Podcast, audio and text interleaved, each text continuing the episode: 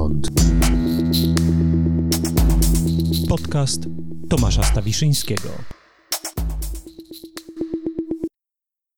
Dzień dobry albo dobry wieczór, mówi Tomasz Stawiszyński. Oto przed Państwem kolejna odsłona podcastu Skądinąd. Tym razem, no właściwie jak we wszystkich dotychczasowych odsłonach, poświęcona tematowi fundamentalnemu, absolutnie fundamentalnemu, jednemu chyba z najbardziej fundamentalnych, jakie tylko można pomyśleć, czyli tematowi świadomości, tego skąd się to szczególne doświadczenie bierze, ta szczególna jakość, którą właściwie trudno nawet opisać, bo jest tak pierwotna, tak e, podstawowa, bo jest zarazem warunkiem możliwości formułowania każdego opisu i dlatego może ją samą tak ciężko zdefiniować. No właśnie, to szczególne poczucie subiektywności, mojości, tego, że czegoś doświadczam, że jestem, że mam różne myśli, że mam różne doświadczenia, wrażenia, przeżycia, emocje, pragnienia, intencje, że mi się coś wydarzyło kiedyś, że coś mi się jeszcze wydarzy. No ale to przecież e, rozmaicie można charakteryzować i różne są wersje, nazwijmy to, e, świadomych doświadczeń. Nie każda świadomość jest taką w pełni e, mieszczącą się w tej definicji, którą przed chwilą podałem. Są takie formy świadomości, które prawdopodobnie jakieś inne charakterystyki wyczerpują. Trzeba by postawić się na miejscu tych istot, które są nimi obdarzone, czy które nimi są po prostu, żeby móc w pełni powiedzieć, jak one wyglądają. Pozostaje nam rozumowanie przez analogię i jakąś rekonstrukcję z tego, co widzimy, z tego, jakie procesy w układach nerwowych e, własnych i cudzych jesteśmy w stanie zaobserwować. O tym wszystkim e, rozmawiamy dzisiaj z doktorem Pawłem Boguszewskim, znanym już Państwu z podcastu Skądinąd, no i nie tylko z podcastu Skądinąd. Jak sądzę, bo to i znakomity naukowiec, neurobiolog, neuronaukowiec z Instytutu Nęckiego Polskiej Akademii Nauk i też no, jeden z najlepszych, jeśli w ogóle nie najlepszy w Polsce popularyzator nauki, którego w różnych mediach, w różnych miejscach można spotkać posłuchać, poczytać o tym, jak opowiada w pasjonujący sposób o naprawdę bardzo trudnych zagadnieniach, którymi się na co dzień zajmuje. No i cóż, więcej nie będę e, jakoś się rozwijał, jeśli chodzi o wprowadzenie do tej rozmowy, bo hmm, w co tu dużo, co tu dużo mówić, czy w co tu wprowadzać. Temat jest tak e, niesamowicie interesujący, że nie domaga się absolutnie żadnych rozbudowanych prezentacji. Nie są one potrzebne. E, podziękuję przede wszystkim jeszcze, zanim Państwo tę rozmowę usłyszą, patronkom, patronom tradycyjnie, subskrybentkom, subskrybentom, wszystkim tym, którzy ten podcast finansowo wspierają. Zachęcam do tego. Bardzo dziękuję za każdą formę wsparcia. Zachęcam także do tego, żeby Państwo dzielili się informacjami o tym podcaście, żeby Państwo przekazywali linki znajomym, dawali wysokie noty w różnych miejscach, w których można te noty dawać, komentowali życzliwie w tych miejscach, w których komentować można. No i cóż, jedna uwaga techniczna, trochę mnie słychać e, tym razem, jakbym ze studni mówił, no to jest kwestia akustyki pomieszczenia, e, w jakim nagrywałem tę rozmowę. Nie zawsze działając jednak, e, co tu dużo mówić, w warunkach domowych, nie dysponując studiem superprofesjonalnym, nie zawsze można uzyskać taki dźwięk, taką akustykę, jakby się chciało. Mm, no ale cóż, Następnym razem będzie lepiej, mam nadzieję. To nie jest jakoś bardzo dolegliwe, jak sądzę. Pawła Boguszewskiego słychać natomiast całkiem dobrze. Mnie w sumie też dobrze, tylko jak mówię, no taki delikatny efekt dudnienia mogą Państwo zarejestrować. Echa raczej, nie dudnienia. Cóż, przed Państwem dr Paweł Boguszewski. Doktor Paweł Boguszewski nie po raz pierwszy i nie po raz ostatni, mam nadzieję, w podcaście Skądinąd. Dzień dobry. Dzień dobry, dzień dobry Państwu. Jak to się dzieje, że nasze ciała, Twoje u Ciebie w domu, moje u mnie w domu, wytwarzają, czy też są siedzibą, jakbyśmy powiedzieli w jakimś takim bardziej e, dawnym języku, który na tych dawnych wyobrażeniach o świadomości jest oparty. Więc jak to się dzieje, że te ciała są siedzibą naszych umysłów, jakichś zupełnie niepowtarzalnych doświadczeń, indywidualności, subiektywności, mojości, jak to się czasem mówi. No czegoś takiego, co właściwie trudno zdefiniować i opisać, a co stanowi o naszym poczuciu, że istniejemy, że mamy jakąś biografię, tożsamość, chęci, pragnienia, lęki, obawy, wspomnienia i tak.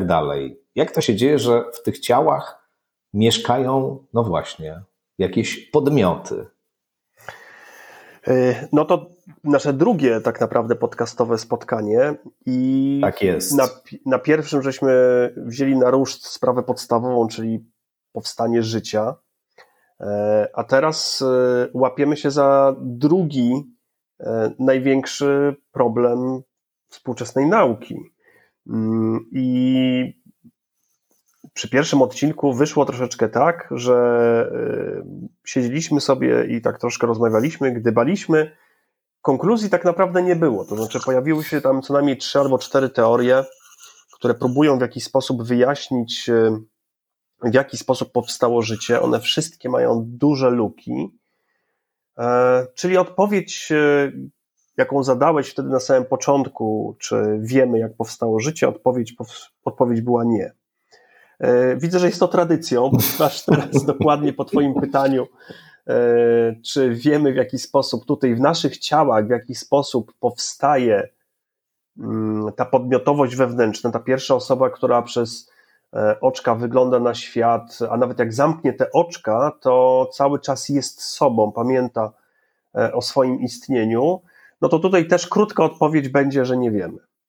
Hmm. Niestety są Ale to pytania. Nie oznacza, nie oznacza, że Teraz zakończymy tę rozmowę, rozłączymy się i tyle będzie z tego podcastu, bynajmniej. Absolutnie nie. Jeden z badaczy e, jakiś czas temu napisał, że tak naprawdę świadomość jest bardzo trudnym e, problemem i na tyle złożonym, na tyle niejasnym, e, że nic tak naprawdę ciekawego się na ten temat nie uda ani przeczytać, ani napisać. No nie jest to do końca prawdą i no, zadamy kłam w dzisiejszej audycji, ponieważ dzieje się bardzo, bardzo, bardzo bardzo wiele w tej, w tej dziedzinie i tak naprawdę wydaje mi się, że e, dosłownie ostatnie 15, 10, 5 lat to jest ogromne przyspieszenie mm, właśnie badań nad, e, nad świadomością, e, głównie ze względu na techniki neuronaukowe.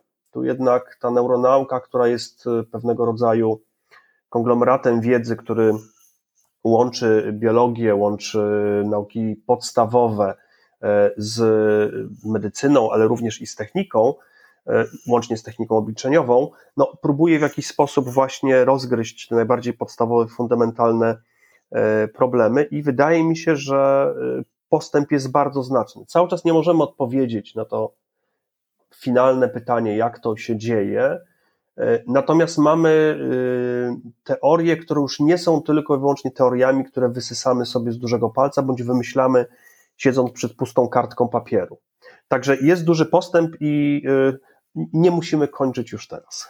Ja mam przed sobą książkę Michaela Gazzanigi, jednego z najbardziej znanych współczesnych neuronaukowców. Książka nosi tytuł Instynkt świadomości, jak z mózgu wyłania się umysł. To jest świeża rzecz, w 2018 roku napisana, wydana w Polsce y, w tym roku nakładem wydawnictwa Smak Słowa przykładzie Agnieszki Nowak-Młynikowskiej, dokładniej rzecz e, biorąc.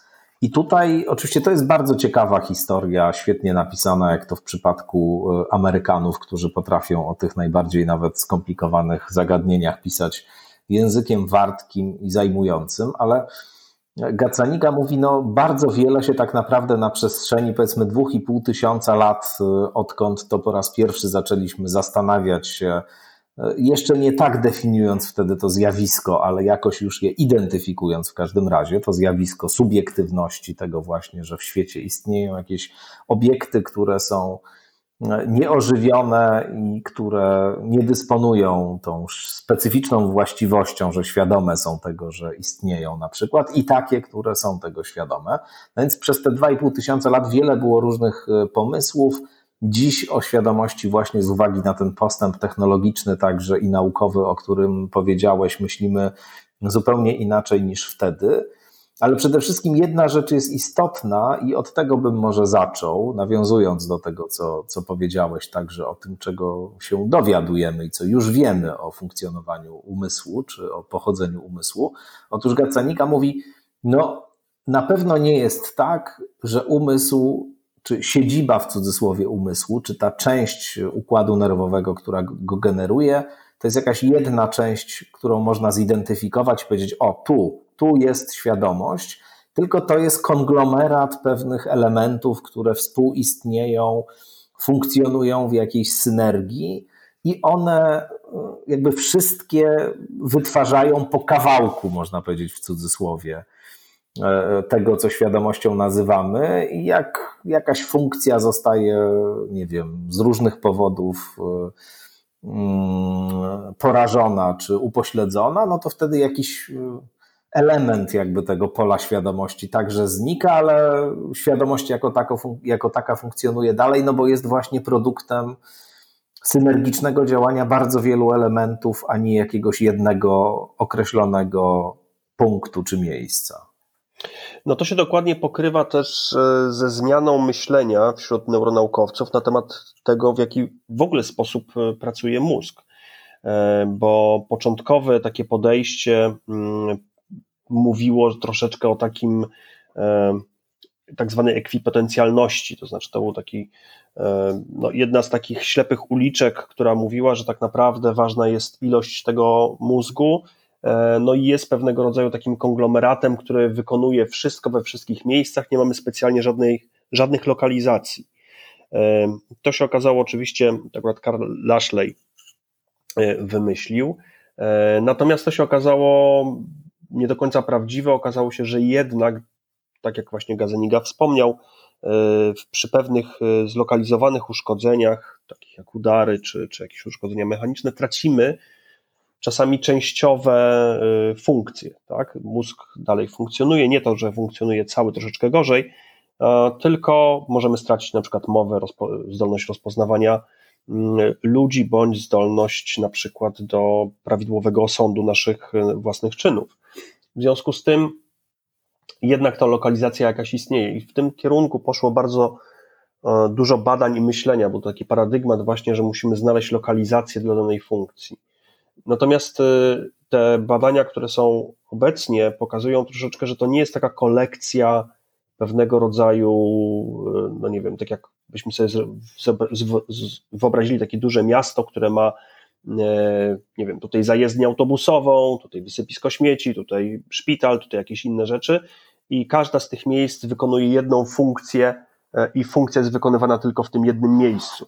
To raczej jednak jest e, twór bardziej rozproszony, aczkolwiek są pewnego rodzaju bardziej ważne, kluczowe, mm, można powiedzieć, podzespoły, czyli na przykład jeżeli byśmy w tym momencie pomyśleli sobie o funkcji na przykład wywozu śmieci, no to jest to wysypisko, jest jakaś tam baza, w którym siedzą samochody, e, system dróg, który jest wspólny dla wszystkich, musi być wykorzystywany, żeby dojechać, odebrać Mm, i pozbyć się tych wszystkich nieczystości. Czyli jest to troszeczkę bardziej e, właśnie połączenie, po pierwsze, myślenia o różnych lokalizacjach, które dosyć ze sobą współpracują, ale co więcej, te lokalizacje mm, mogą być zaangażowane też w inne funkcje i pewne części mózgu mogą być wykorzystywane przy bardzo szerokim e, spektrum e, funkcji. W związku z tym ten obraz z początkowo takiego fajnego, że ojej, no będziemy mieli teraz fantastyczne narzędzia do mapowania i po prostu sobie zmapujemy każdy kawałek mózgu, będziemy dokładnie wiedzieli, co on robi. No niestety tak prosto, tak prosto nie jest i no samo to myślenie o tej funkcji, jak ten mózg w ogóle działa, już nie, nie mówiąc o generowaniu świadomości, jest dużo bardziej złożone. I obecnie wiemy, że niestety ta lokalizacja, ona jest, ale w takiej jednej lokalizacji mamy ogromne populacje neuronów, komórek y, nerwowych, które E, mogą zajmować się różnymi, przetwarzaniem różnego rodzaju bodźców. To znaczy, to jest troszeczkę znowu jakaś zgrubna analogia. Jeżeli na przykład popatrzymy sobie na mm, jakiś budynek, gdzie wykonuje się jakąś pracę, na przykład, e, no nie wiem, pisze się jakieś artykuły, e, to ludzie na różne tematy piszą na różnych piętrach, ale my patrząc ogólnie na ten budynek widzimy na przykład, no nie wiem, ilość ludzi piszących. Czyli w tym momencie różne tematy są E, opracowywany przez zupełnie osobne jednostki, ale my jedynie z góry patrząc widzimy taką zbiorczą aktywność i wydaje nam się, że to miejsce się zajmuje wszystkim. W związku z tym dlatego właśnie ta neuronauka jest w stanie powoli lepiej rozumieć działanie mózgu, ponieważ pozwoliła nam na to technika. To znaczy, możemy schodzić na coraz niższy poziom organizacji mózgu, nie tylko właśnie podsłuchiwać bardzo duże obszary, e, ale coraz mniejsze obszary, a nawet schodzić powolutku na poziom poszczególnych neuronów czy niedużych sieci neuronowych, bo tam ta informacja siedzi, tam ta informacja jest zakodowana mm, i przez to zrozumienie, właśnie przetwarzanie informacji, nawet w takich układach nieświadomych, być może będziemy w stanie zrozumieć, w jaki sposób te układy y, stworzą świadomość. Czyli dokładnie tak jak Gazenika powiedział, ja nie spodziewam się jednego miejsca, e, gdzie powiemy sobie, to jest twój zakręt świadomości, czy tam, nie wiem, bruzda świadomości. Mm, raczej spodziewam się, że to będzie kolekcja różnego rodzaju krytycznych połączeń, które muszą być zachowane i muszą funkcjonować w prawidłowy sposób, e, żeby właśnie pewnego rodzaju funkcje świadomości uruchomić i być może będą tam bardzo ważne i kluczowe niewielkie struktury. Mm, taką e, strukturą, jedną z proponowanych jest takie klastrum, to jest struktura dosyć głęboka, ale ona być może jest przy jej wyłączeniu udało się, to jest akurat jednostkowa E, jednostkowe doświadczenie, ale bardzo ciekawe, e, wyłączyć świadomość u pacjentki, która miała elektrody w okolicy tej, tej struktury. E, natomiast raczej uważa się, że to być może jest taki dodatkowy wyłącznik bądź włącznik świadomości, natomiast nie jest struktura, która się nią zajmuje i która jest jej siedliskiem. W związku z tym raczej tu się spodziewamy że y, widząc komplikacje przetwarzania informacji przez nas, nasz mózg, to to, co znajdziemy, będzie naprawdę bardzo skomplikowane i na pewno nie będzie prostą jedną strukturą zlokalizowaną w jednym miejscu. To jest y, o tyle intuicyjnie narzucający się pogląd, ten właśnie o tym, że powinno tu być jakieś jedno miejsce, jakiś główny ośrodek, który odpowiada za nasze doświadczenie ja, czy nasze doświadczenie subiektywności, o tyle to jest intuicyjne, że y, fenomenologia naszej świadomości czy naszego ja, no właśnie y, zdaje się odsyłać do jakiegoś takiego centralnego ośrodka, bo my mamy doświadczenie siebie jako czegoś ciągłego, y, spoistego, co no, trwa w czasie, w jakimś sensie jest niezmienne, mimo że oczywiście przybywa nam wspomnień różnych innych e, predylekcji, predyspozycji, umiejętności i tak dalej, ale jednak e, przynajmniej większość z nas, jak sądzę, ma takie poczucie, że nasze ja zachowuje pewną ciągłość w czasie. To znaczy, że my sprzed na przykład 10 czy 15 lat to jesteśmy ci sami, którzy, którzy żyjemy, myślimy i doświadczamy tu i teraz. I w związku z tym prawdopodobnie, tak myślę, ekstrapolujemy tą jakość doświadczenia naszej subiektywności na to, co wiemy o ludzkim mózgu i, oka, i, i, i szukamy jakoś intuicyjnie właśnie jakiegoś takiego jednego miejsca. A tymczasem chyba dość trudno sobie wyobrazić, że to, co, czy to, czego doświadczamy jako tak bardzo E, spoistego właśnie, choć z tą spoistością to też różnie bywa. To, to jest w dużym stopniu pozorne oczywiście, ale mówię o takim bardzo potocznym sposobie myślenia o tym doświadczeniu, no, że, że, że, że to jest jakiś produkt, konglomerat poskładany z wielości różnych procesów, które, e, które tutaj ze sobą współpracują, a nie, że to jest jakaś monolityczna struktura. No, tutaj się możemy cofnąć y, o krok, to znaczy, y, jako naukowiec lubię mieć rzeczy, które badam, dosyć jasno zdefiniowane. I tu już mamy kolejny wielki problem, bo nawet jeżeli cofniemy się troszeczkę z tej galopującej do przodu neuronauki, która rzeczywiście mm, odkrywa coraz to nowe i ciekawe E, tajemnice naszego mózgu, a jednocześnie przy okazji produkuje ogromną ilość fantastycznych wynalazków, które robią nasze życie e, bardziej znośnym, e, no to nawet jeżeli jeszcze nie zajmiemy się tą, tym, tym badaniem mózgu, to samo zdefiniowanie świadomości jest ogromnie trudne. No, kiedy właśnie poczytamy sobie raczej takie nowsze prace różnego rodzaju ludzi badających świadomość, czy to od strony mm, bardziej takich zagadnień filozoficznych, czy to właśnie ludzi, którzy próbują połączyć zrozumienie, odkryć neuronauki e, z, właśnie z punktu widzenia takiej bardziej szerokiej, filozoficznej, e, no to okazuje się, że nawet oni mają problem ze zdefiniowaniem, co to jest tak naprawdę ta, e, ta świadomość. Są takie bardzo krótkie definicje, typu, że to jest tak naprawdę każde doświadczenie. To znaczy, jeżeli jest jakiś e, twór, jest jakiś układ, jest e, jakiś, no nie wiem, zwierzę, czy nawet układ złożony, który w jakiś sposób Mm, jest e, w stanie e, doświadczać e, otoczenia, no to ten układ ma jakąś tam bardzo niewielką świadomość. Jeżeli byśmy na przykład to zawęzili tylko i wyłącznie do gatunku ludzkiego, no to sami właśnie tutaj mamy ten największy problem. To znaczy, to, to nasze poczucie narracji, tego, że no, dzisiaj rano człowiek się obudził i czuje, że jest sobą, pamięta, że było jakieś wczoraj, robi sobie jakieś plany na jutro,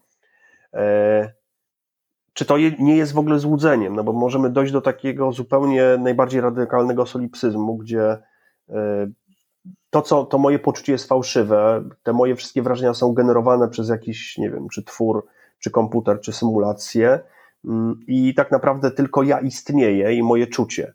No to jest troszeczkę tak to jak... Jest, e, to ma pewien, wiesz, e, walor, nie wiem czy walor, powab w każdym razie, taka koncepcja. Przede wszystkim dlatego, że nie da się jej obalić. To znaczy, że no, zawsze możesz e, na podobieństwo teorii spiskowej znaleźć gdzieś jakąś lukę, w której e, zagnieździ się wątpliwość, czy to, czego doświadczam jako rzeczywistego, jest faktycznie rzeczywiste.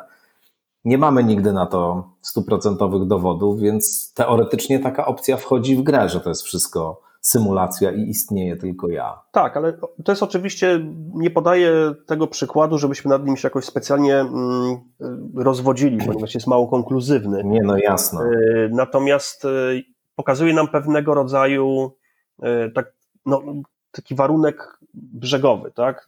Bardziej w, w lewo czy w prawo, od tego już się da, dalej pójść nie da, no bo skoro nic nie istnieje, a jestem jedynie jakimś takim bytem, który coś odczuwa, no to jak gdyby wszystko, co wymyślimy więcej, będzie ponadto. E, w związku z tym e, raczej e, no, odrzućmy ten, ten, ten pogląd, czyli raczej załóżmy, że jednak istnieje pewnego rodzaju twór, który jest tworem, który może odczuwać, czyli no to jest troszeczkę to myślę, więc jestem Kartezjusza, który właśnie zastanawiając się nad tym, czego może być absolutnie stuprocentowo pewien na tym świecie, no to jest to, że właśnie jest jakiś proces myślowy, który na, no, jest kartezjuszem, tak? I każdy z nas go ma. E, Ale można, jeśli można wtrącić, to Trzeba. właśnie Kartezjusz, właśnie, właśnie Kartezjusz jest odpowiedzialny za ten sposób myślenia, który być może przez długi czas w ogóle zwodził nas na manowce, to znaczy kazał nam właśnie po pierwsze postrzegać y, świadomość jako coś substancjalnie, ontologicznie różnego od ciała y, i wpędził nas w ten dualizm. Oczywiście dualizm ma korzenie znacznie starsze, bo jakbyśmy się zaczęli zagłębiać w historię, to od Platona się ten, y, ten dualizm bierze, a później w chrześcijaństwie też, też jest obecny przecież, a Kartezjusz go, że tak powiem, podnosi do, do kolejnej tylko potęgi, ale no w dużym stopniu ten dualizm, który ciągle jeszcze pokutuje, myślę, nie tylko e, wśród osób religijnych, ale, ale w ogóle w sposobie, w jakim mówimy o tych doświadczeniach i cały czas przecież rozróżniając pomiędzy e, mózgiem a umysłem, pomiędzy ciałem a duszą, różne są te, te warianty. Mm, a z drugiej strony, no tutaj właśnie też jest taki rodzaj myślenia o tym moim ja, o tej mojej subiektywności, jako o czymś takim właśnie nienaruszalnym, y, czymś, co jest jakąś rzeczywistością ostateczną, której już na bardziej fundamentalne pierwsze czynniki rozłożyć się nie da. Więc to też odsyła do jakiegoś takiego punktowego miejsca gdzieś e, w organizmie, tu w przypadku Kartezjusza była to szyszynka, gdzie się ze sobą łączyła substancja myśląca z substancją rozciągłą, gdzie był ten punkt przecięcia, który powodował, że no jednak ciało jest nośnikiem tego, te, te, te, tegoż ja, więc ten Kartezjusz to też dużo narobił nam szkód. Jak najbardziej. To znaczy, no, nikt nie jest tak, że każdy myli się w swoim życiu 100% i tak samo nikt nie jest tak, że ma 100% racji. No, zawsze e, w pewnych sytuacjach mamy rację, w pewnych sytuacjach nie mamy racji. Akurat pogląd e, właśnie Kartezjusza, e, który mówił o tym dualizmie, okazał się być e, nieprawdziwy. No i tak jak powiedziałeś, no, wprowadził tutaj ogromny, ogromne zamieszanie. Jednym z tych zamieszań, które jeszcze pokutują do tej pory, to jest to, że właśnie e, kiedy on wprowadził te dwie substancje, to znaczy wprowadził, można powiedzieć, takie dwa magisteria, takie dwa obszary, czyli obszar cielesności, gdzie mamy przetwarzanie jakiejś informacji, chociażby informacji sensorycznej, natomiast tę część, która jest częścią świadomą, która e, kieruje, można powiedzieć, tym mięsnym robotem, czyli nami, wyprowadził do ale to jest piękne. Mięsny robot, to mi się bardzo podoba. Znaczy, szukałem różnych tłumaczeń, bo to jest właśnie to, jest tam takie określenie, które on konkretnie użył, mm. e, jako taki właśnie cielesny robot, tak? Jakaś bestia cielesna. Nie, zostańmy przy mięsnym. Paweł. Mięsnym. Zostańmy przy mięsnym Dobra. robocie. To, to, to, w takim razie, jeżeli ktoś bądź coś nie posiada tego, tej, tej substancji, która jest substancją ulotną, czyli tej, można powiedzieć wprost, duszy, no to jest tylko i wyłącznie tworem, który w jakiś sposób może reagować, y, może reagować na ból, ale nie ma tam nic w środku, to znaczy nie ma pewnego rodzaju świadomości, na przykład odczuwania bólu. E, no i to spowodowało między innymi chociażby wyrzucenie wszystkich zwierząt poza człowiekiem właśnie do kategorii tych, y, że nie są na pewno świadome, że nie ma tam świadomości. W związku z tym możemy spokojnie mm, je krzywdzić, bo ta krzywda nie jest krzywdą. To, co widzimy, jest jedynie pewnego rodzaju odruchem takiego mięsnego, y, mięsnego robota. Y, no i tutaj ja mam nadzieję, że nasze, że Twoje podcasty będą odsłuchiwane za rok, dwa i dziesięć. No obecnie akurat tutaj, tak jak siedzimy, E, to jest debata na temat e, ustawy o ochronie zwierząt gospodarskich. Tak. E, I dokładnie można powiedzieć, że debata polityczna, i więcej nie będziemy nic mówili, bo staramy się unikać tego typu tematów, kiedy omawiamy wzniosłe tematy, chociażby Pewnie, świadomość, tak. ale trzeba nadmienić, że dokładnie ten podział na właśnie podział na ludzi i zwierzęta, które działają, ale nie są obdarzone w żaden sposób świadomością, pokutuje do tej pory. E, i cho chociażby się przejawia właśnie w stosunku e, ludzi do ochrony zwierząt i do praw zwierząt. E, czyli Kartezjusz, wracając do naszego wiecznie żywy. wiecznie żywy i do tej pory mamy pewnego rodzaju różnego re, reperkusje. Natomiast co od Kartezjusza? Czy, czy w jaki sposób żeśmy się dalej posunęli? To jeszcze tutaj nie wchodząc w różnego rodzaju smaczki i ciekawostki techniczne, których naprawdę jest dużo w ostatnich 10-15 latach, e, dzięki którym możemy w coraz bardziej fajny i prosty sposób badać chociażby poziom świadomości, bądź określać poziom świadomości i wpływu na tę świadomość chociażby substancji, mm, e, no to w, nim do tego jeszcze przejdziemy, to pomyślmy przez chwilę na temat chociażby e, właśnie, czy świadomość jest czymś y, zupełnie unikalnym, bo to jest też takie fundamentalne pytanie. Skoro mamy problem z definiowaniem tej świadomości, e, a wynika on właśnie z tego, że to doświadczenie ja jest doświadczeniem absolutnie indywidualnym i jest nietransferowanym. To znaczy, jeżeli y, ty chciałbyś mi teraz opowiedzieć coś na temat, jak ty przeżywasz świat, jak ty widzisz świat, to ja mam jedynie te twoje słowa ja mam jedynie pewnego rodzaju twoją narrację. Ja mogę też obserwować na przykład y, różnego rodzaju reakcje behawioralne, mimikę, czy chociażby jakieś y, korelaty mm, fizjologiczne, czy aktywność mózgu. Natomiast, Nie możesz się stać mną. Nad, dokładnie tak. Natomiast zawsze to będzie e, albo z perspektywy drugiej osoby, czyli ty mi opowiadasz na przykład o swoim przeżyciu mm, właśnie świadom, bycia świadomym czegoś, bądź bycia ogólnie sobą.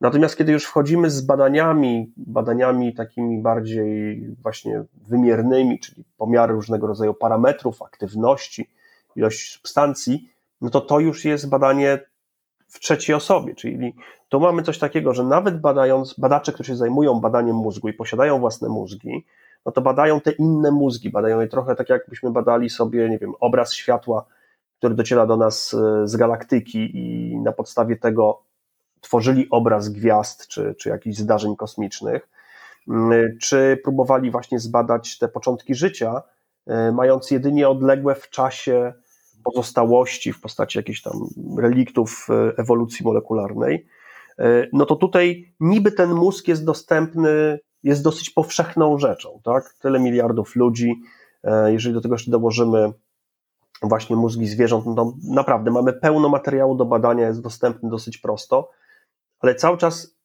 ten główny, podstawowy problem nie będzie rozwiązany, ponieważ e, no, nie jesteśmy w stanie przeprowadzić bezpośredniego takiego eksperymentu e, w pełni na tym pierwszoosobowym, pierwszoosobowej jaźni. W związku z tym to, to jest pewnego rodzaju problem, który wydaje mi się, że mm, no nie będziemy do końca w, sta w, w, stanie rozwiązać. Zawsze będziemy badali tę świadomość e, z punktu widzenia drugiej, drugiej osoby, żeby zrobić jakąś ogólną teorię, bądź właśnie trzeciej osoby, gdzie badamy już jakieś korelaty mózgowe. Natomiast samo wyjaśnienie, jak to się dzieje i czy rzeczywiście świadomość jest unikalna dla gatunku ludzkiego, jest też ogromnym polem debat i, i rozmów. E, ponieważ z jednej strony jednak e, musimy nawet przy całym e, zaangażowaniu w, no, w przekonanie, że jesteśmy ciągłością przyrody, że jesteśmy produktem ewolucji, że jesteśmy jednym, jedną z małp naczelnych, co jest no, według mnie niepowtarzalnym już, znaczy niepodważalnym faktem naukowym, jeżeli ktoś uważa inaczej, to absolutnie może mnie przekonać. Potrzebuję po prostu na to dowodów, nic więcej.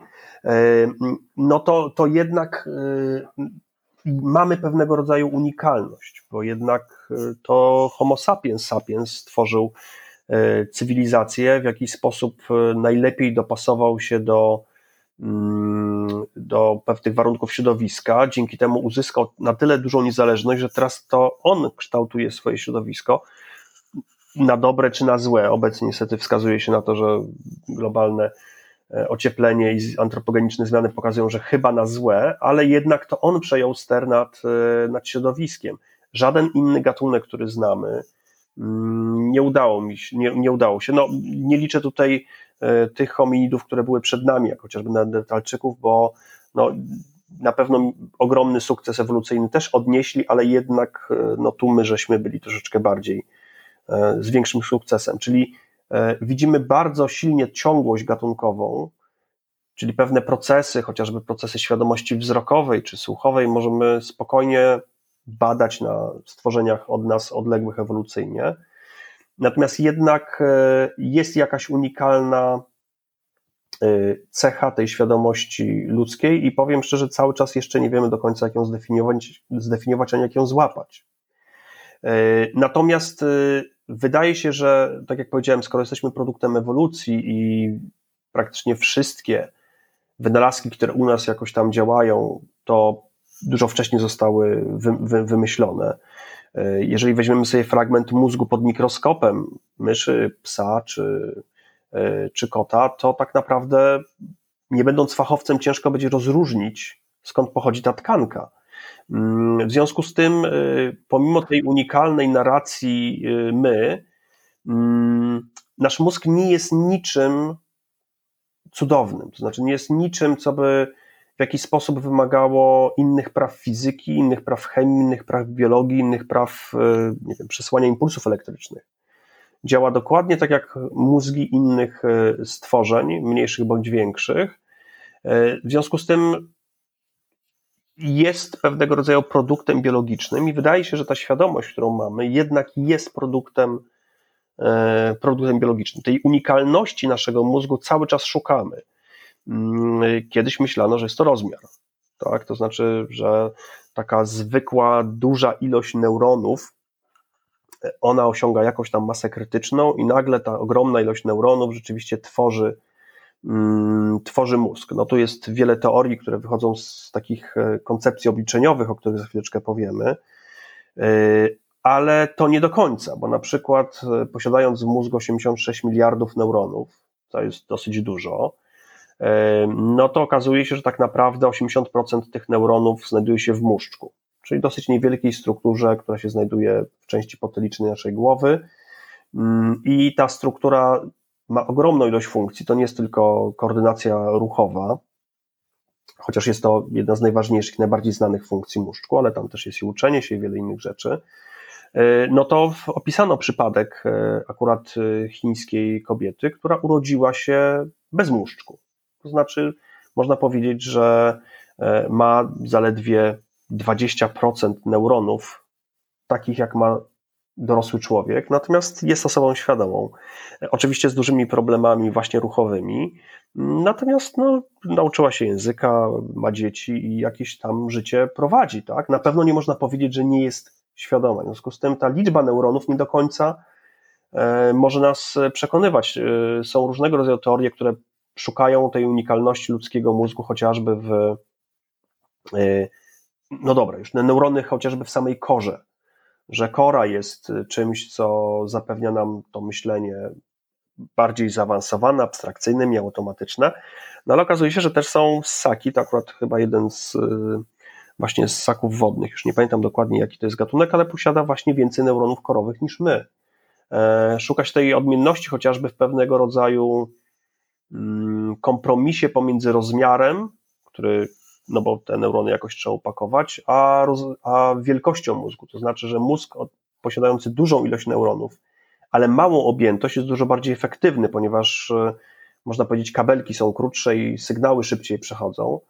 Mm, I y, być może tutaj jest ten kierunek, którym właśnie biolodzy, już nie, nie tyle zajmujący się świadomością, ale właśnie mm, ogólnie zdolnością przetwarzania informacji mózgów będą, będą szli. To znaczy, że być może to jest pewnego rodzaju właśnie taki kompromis pomiędzy rozmiarem mózgu e, a jego, a ilością neuronów. I tutaj akurat trzeba powiedzieć, że e, po pierwsze, by to tłumaczyło troszeczkę taki fenomen E, ewolucyjny, ponieważ wszystkie hominidy, e, które znamy, jeżeli patrzymy sobie tam na Homo erectus e, czy Homo habilis, generalna tendencja była zawsze do wzrostu objętości mózgoczaszki. Im czaszka była młodsza w zapisie kopalnym, tym ma większą objętość. Homo sapiens idzie w drugim kierunku. W toku ewolucji naszego gatunku nam objętość czaszki spada. Hmm. Patrząc jednakowoż na to, że E, zdolności nam rosną, być może jest to mm, e, właśnie taki efekt, można powiedzieć, miniaturyzacji, tak? No jak popatrzymy sobie na telefony komórkowe sprzed 20 lat versus telefony komórkowe współczesne, no to pomijając duży ekran, to jednak e, są dużo bardziej mądre, no dużo właśnie, kompaktowe. To chyba coś takiego z tym mózgiem też zachodzi, że wprawdzie mniejszy, ale coraz bardziej wyspecjalizowany. Tutaj to jest tylko i wyłącznie hipoteza i taka zostanie, ponieważ e, nie mamy dostępu do, do chociażby możliwości obliczenia ilości komórek nerwowych u pierwszych Homo sapiens, takich nie wiem, sprzed 50 czy 150 czy, czy 200 tysięcy lat. Więc niestety to jest tylko i wyłącznie objętość.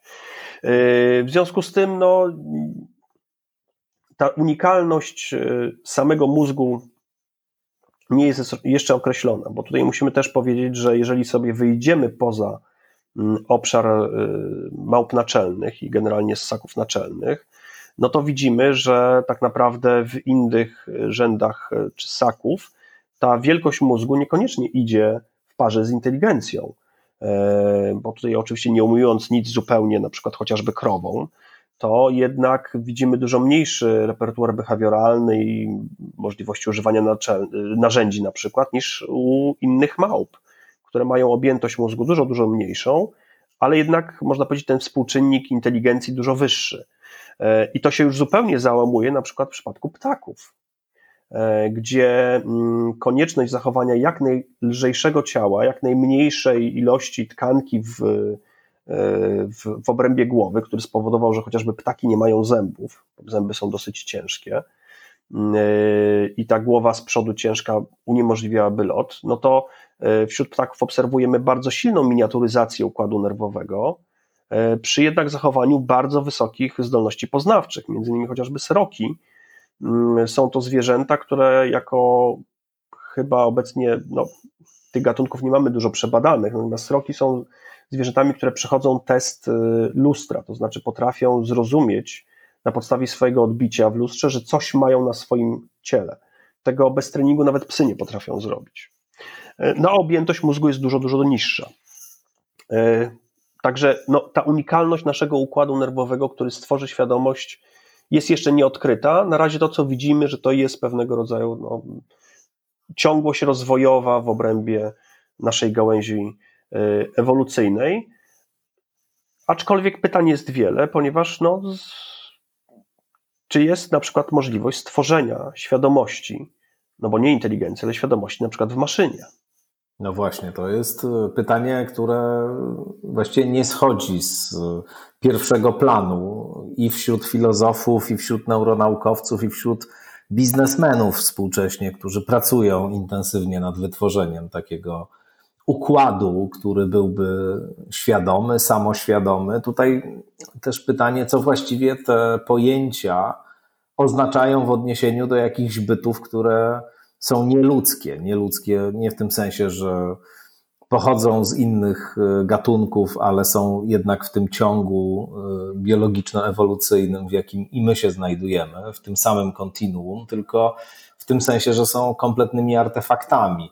Jakby taka świadomość miała właściwie e, wyglądać i co tu jest no, kryterium? To też jest pytanie bardzo poważne, bo z jednej strony my mamy tendencję do myślenia o świadomości jako właśnie o czymś, co zakłada taki rodzaj wewnętrznego doświadczenia, że tam gdzieś ktoś jest jakąś istotą, która właśnie coś widzi, przeżywa, czegoś doświadcza i to jest takie kryterium, które uznajemy za kryterium świadomości, ale z drugiej strony być może wcale nie musimy tak myśleć, mając do czynienia z jakąś e, sztuczną inteligencją, która po prostu zachowuje się w taki sposób, że nie da się, e, nie da się e, stwierdzić, czy tam w środku coś jest, czy tam czegoś nie ma, ale wygląda jakby było, no musimy uznać, że jest to byt świadomy, no bo przecież nie mamy możliwości, tak jak wcześniej mówiłeś, żeby tam gdzieś e, się znaleźć wewnątrz i to sprawdzić. To jest niesamowicie interesujące i to otwiera całe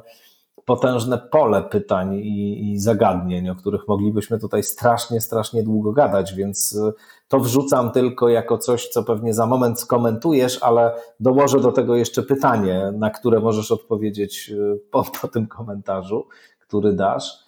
I to pytanie wraca do, do samego początku naszej rozmowy i tego głównego tematu, który tu mamy, to znaczy, z czego to się bierze? Jaki typ procesów prowadzi do y, powstania świadomości właśnie. Na, oczywiście na stan dzisiejszej wiedzy. To znaczy tak, e, ten problem z tą e, świadomością, rozpoznaniem świadomości e, u innych ludzi, u zwierząt, u niższych zwierząt, u obiektów czy u programów komputerowych bądź tworów komputerowych cały czas też, też nie jest rozwiązany. Nie mamy testu, który mógłby w jakiś sposób nam coś takiego mm, zbadać. E, oczywiście.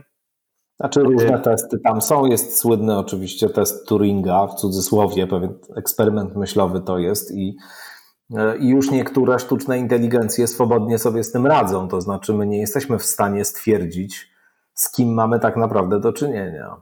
No, wystarczy chociażby porównać progres różnego rodzaju y, samouczących się asystentów głosowych, tak? gdzie mamy pewnego rodzaju program, algorytm, który mm, odpowiada na nasze pytanie. Możemy na przykład zadać pytanie jednemu z tych, y, nie wiem, czy to czy, czy Siri, czy Alexa, tak? czy jesteś świadoma. No i być może wiemy, że póki co i wierzymy w to, że póki co ta odpowiedź, jeżeli nawet będzie twierdząca, to jest pewnego rodzaju taką zabawą czy kłamstwem, ale co będzie za 20 czy 50 lat? Czy rzeczywiście ten asystent głosowy stworzony in silico, no czy on nie będzie obdarzony pewnego rodzaju y, świadomością?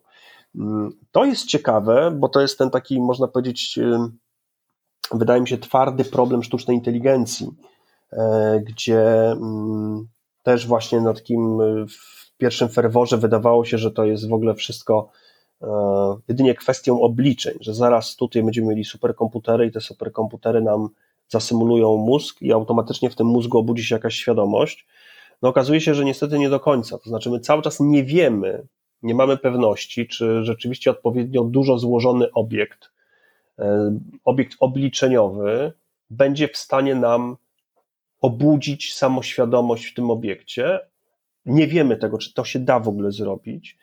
A co więcej, e, nawet jeżeli się da, to nie będziemy wiedzieli, w jaki sposób e, zaufać, czy mm, stwierdzić, że to rzeczywiście jest. No, wracamy cały czas do tego problemu pierwszej osoby, tak? Skąd ja wiem, że mhm. ktoś inny jest świadomy? Jedyne, dlaczego mm, e, ja uznaję, że na przykład ty, czy jakaś inna osoba, inny, inny człowiek jest świadomy, to tylko dlatego, że ja atrybuuję na niego moją świadomość.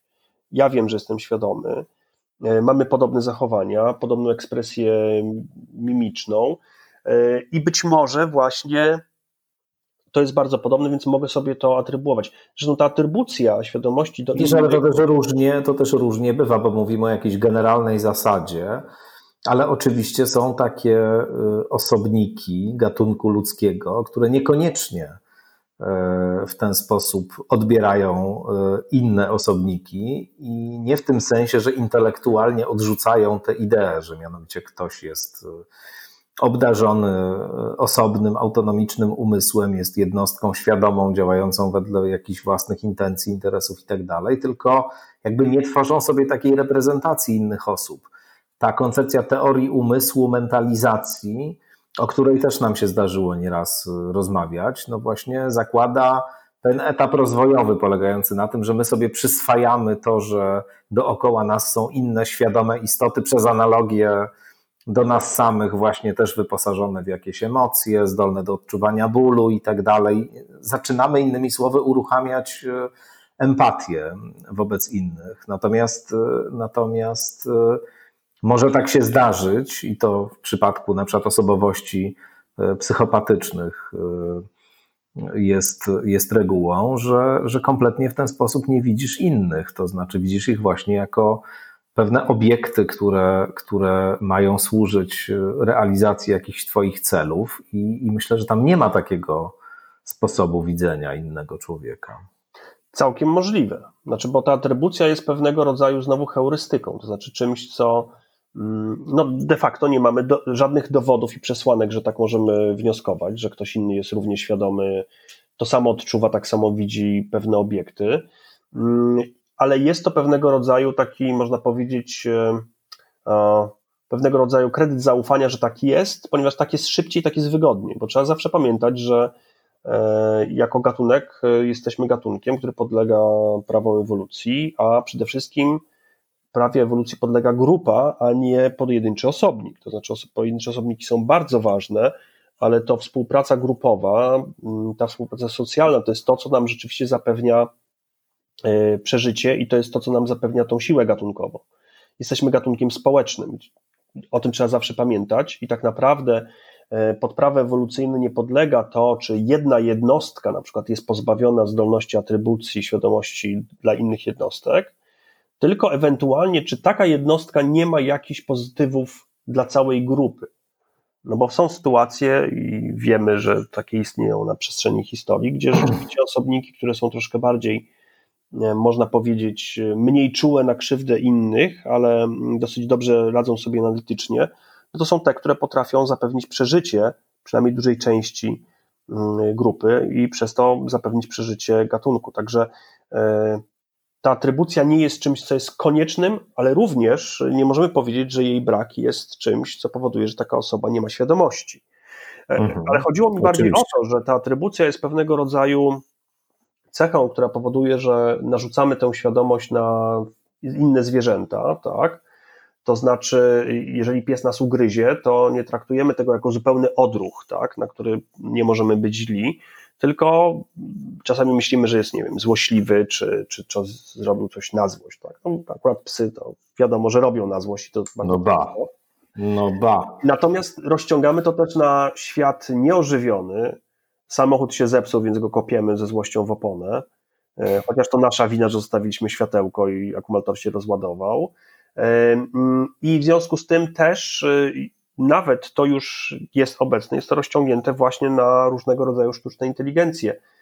Przy czym mówię tutaj też sztucznej inteligencji nie w, właśnie w takim konotacji sztucznej świadomości, tylko systemy, które są dosyć inteligentne, które rzeczywiście potrafią na podstawie odpowiednio dobranych algorytmów, e, na podstawie wejścia dać dosyć ciekawe wyjście, tak? Czyli chociażby właśnie te różnego rodzaju boty, z którymi można e, czatować, czy z którymi można jakieś tam nawet rzeczy załatwić, czy w firmie, czy, czy, czy w urzędzie. E, też mamy tendencję, żeby im nadawać jakąś pewnego rodzaju osobowość, intencje złośliwości chociażby, pomimo że jest to tylko i wyłącznie e, algorytm. No, ale twórcy ich też zawsze starają się im dać jakąś taką ludzką twarz. Czasami no, nie do końca ludzką, ponieważ zawsze musimy pamiętać o tym efekcie Doliny Niesamowitości, że jeżeli coś wiemy, że nie jest człowiekiem, a jest bardzo podobny do człowieka, to wzbudza w nas e, takie dosyć e, atawistyczny lęk, taki można powiedzieć lęk przed zombie, czyli czymś, co wygląda jak człowiek, ale no właśnie, nie ma świadomości, nikogo tam nie ma, jest pewnego rodzaju tylko i wyłącznie ludzkim, ludzkim automatem. Natomiast Twoje pytanie, które zadałeś przed, przed, przed dokończeniem dygresji, to o ile dobrze pamiętam, chodziło o to, czy będziemy w stanie to mierzyć, tak? Czy dobrze? No tak, tak, tak. Tak możemy to. Czy będziemy w stanie skwantyfikować mhm. tę świadomość? Tak. No i to jest coś, znaczy, co. I, I czy będziemy w stanie ją zmierzyć? I też pytałem Cię o. Um, no, o ten stan wiedzy aktualny, jeśli chodzi mhm. o, o, źródła świadomości. To znaczy, wróciłem do tego zasadniczego pytania o, o to, skąd się to bierze. A, dobrze, dobrze, okej. Okay. Dobra, to znaczy co do mierzenia, to właśnie do tego sobie dojdziemy za chwileczkę, bo to jest bardzo ciekawe e, zagadnienie. Mm, natomiast co do tego miejsca, czyli wracamy z powrotem e, do anatomii, no to nie. To znaczy, oczywiście podejrzewamy, że jest to bardzo rozległy układ e, komórek, które się znajdują w korze, e, ściśle powiązanych też z, z obszarami podkorowymi, w szczególności we wzgórzu, i że właśnie pewnego rodzaju proces, który tam zachodzi, to znaczy pewnego rodzaju komunikacja pomiędzy rozległymi sieciami komórek, głównie w tych dwóch obszarach, które no, są gigantycznymi obszarami i, i mają ogromne ilości neuronów. E, ja tak troszeczkę w pewnym momencie powiedziałem, że ta kora tak ma ich niedużo, no bo rzeczywiście ta kora ma tam, nie wiem, 16 miliardów zaledwie, z czego duża część idzie tylko i wyłącznie na przetwarzanie nieświadome, na przykład bodźców wzrokowych czy słuchowych, ale te neurony są bardzo skomplikowane. Te neurony w mózgu są nieduże, z mniejszą ilością połączeń. Neurony korowe są gigantyczne, mają ogromne ilości połączeń tam być może właśnie siedzi ta moc, y, ta moc y, obliczeniowa. Ale mm, jeżeli byśmy chcieli właśnie wrócić do tego pytania, czy jest miejsce, no to tego miejsca jeszcze nie znaleźli. Na razie szukamy, jak gdyby, jak te układy sobie y, radzą, w jaki sposób mogą to sobie, w jaki sposób one no, uruchamiają ten właśnie przedziwny mm, rodzaj procesu. Natomiast przechodząc do tego mierzenia, bo możemy do tego zagadnienia właśnie podchodzić od strony mm, tylko i wyłącznie właśnie takiej teoretycznej, czyli w jaki sposób jakiś układ tworzy skomplikowane rzeczy, tworzy świadomość i potem próbować szukać tych układów w mózgu, ale też możemy podejść do tego troszeczkę inaczej, ponieważ e, pomimo tego, że mamy e, to e, zagadnienie tej świadomości ja, i zaczęliśmy tak naprawdę od tej najtrudniejszej części świadomości, no to często jeszcze mówimy o tak zwanej świadomości mm, sensorycznej, to znaczy świadomości bodźców, która jest y, dużo bardziej y, prosta do, do badania, ponieważ y, świadomość bodźców na pewno występuje u zwierząt, możemy tam to chociażby badać, mm, jak również jest dużo bardziej zdefiniowana, jest dużo łatwiejsza do, do, do ugryzienia. Mm, no i jeszcze mamy yy, oczywiście takie mm, poczucie yy, stanu świadomości. Znaczy, świadomość to jest też coś, co nie jest jednym stanem, tylko sami mamy różnego rodzaju poziomy tej świadomości, ciągu naszego życia, całkowicie naturalne, fizjologiczne, jak chociażby na przykład senność. Mm, być może nasz wspaniały teraz wywód i tembr głosu kogoś zaczął troszeczkę usypiać i ta osoba leciutko Niemożliwe. Mam nadzieję. Ale jednak jest troszeczkę w innym stanie świadomości. Trochę w innym stanie świadomości będzie ktoś, kto się zasłucha w nasze, e, w nasze wywody, na przykład jadąc samochodem e, i prowadzi cały czas doskonale. Wszystkie jego automatyzmy, jego odruchy działają, bo tak powinny działać i to jest tak naprawdę ten moment, kiedy dobrze prowadzimy, kiedy właśnie nie musimy myśleć na temat prowadzenia. E, I jego świadomość też inaczej pracuje, a zupełnie inaczej pracuje świadomość na przykład osoby, która jest e, w sytuacji bardzo stresowej, gdzie na przykład, no nie wiem, musi dać bardzo perfekcyjne wystąpienie publiczne. E, do tego dochodzi jeszcze oczywiście sen, co się dzieje ze świadomością, kiedy w czasie dnia rano się budzimy i mamy rzeczywiście wpływ informacji, coś tam robimy, coś planujemy, w jakiś sposób wpływamy na wszechświat, ale nagle w środku nocy też nasza świadomość się budzi i przeżywa marzenia senne. Niektórzy bardziej intensywnie, niektórzy mniej intensywnie, niektórzy je mogą pamiętać, niektórzy ich e, nie pamiętają, ale jest to. Czasem one, czasem one bywają bardziej realistyczne niż rzeczywistość. A o niektórych. Tak jakieś tak. skomplikowane, niesamowite, że aż trudno wyobrazić sobie, żeby to była taka postrzępiona plątanina różnych. Y, różnych Niektórzy są obrażeni bardzo pięknymi, kreatywnymi i długimi tak. snami. Y, niektórzy nie.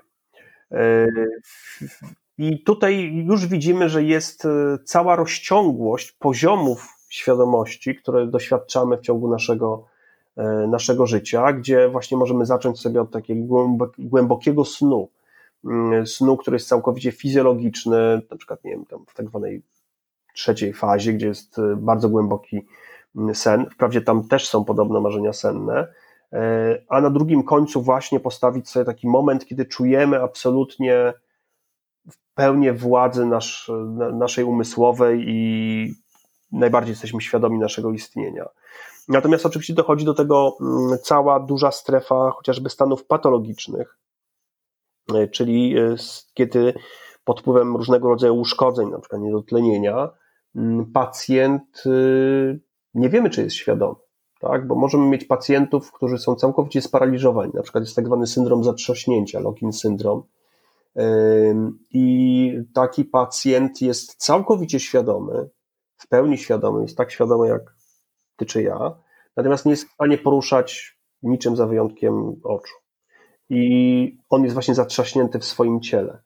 Mm, I w tym przypadku, patrząc e, naszymi tradycyjnymi miarami, to znaczy, czy się rusza, czy coś robi, czy coś mówi, czy w jakiś sposób się zachowuje, czy reaguje na moje bodźce, nie widzimy tego. Natomiast tam rzeczywiście cały czas jest ktoś. Z drugiej strony mamy chociażby osoby, które e, są w tak zwanym stanie, czy minimalnej świadomości. To się kiedyś nazywało stan wegetatywny, od tego się odchodzi, szczególnie, że tam jest e, on już został zróżnicowany na wiele poziomów, e, no ale to cały czas jeszcze w takim języku popularnym się mm, używa, że to jest taki no, stan, gdzie e, nie ma nikogo w domu. To znaczy wiemy, że ciało jest, e, nawet może samo oddychać, nawet samo może przełykać, ponieważ mm, są pewnego rodzaju odruchy w pniu czy rdzeniu kręgowym zachowane, czyli mamy pewnego rodzaju takie proste automatyzmy. E, natomiast e, te miejsca, które uważamy za siedlisko właśnie tej świadomości, czyli chociażby kora, są na przykład całkowicie zniszczone nieodwracalnie, bo akurat mózg się niestety nieodwracalnie uszkadza. Mm, I, I wiem, że tam nikogo nie ma. Była słynna historia Terry Schiavok, gdzie była duża tak batalia jest. sądowa, e, czy można odłączyć aparaturę. No i tutaj. No tam się nawet Watykan intensywnie mm, w to angażował, podobnie jak w różnych innych sytuacjach czy historiach, tak jak e, sprawa Elwany Englaro równie, tak. równie głośna i podobna. Mhm. No i, i takich, takich sytuacji było bardzo wiele, bo też przecież e, też niedawno była sytuacja chłopca, który gdzie też była debata właśnie, czy podtrzymywać tak zwane uporczywe podtrzymywanie życia, tak? czyli wtedy, kiedy musimy zaangażować dużą aparaturę, bądź nawet nie tyle dużą aparaturę, ile właśnie musi być chociażby no, intensywne żywienie i wiele innych czynności.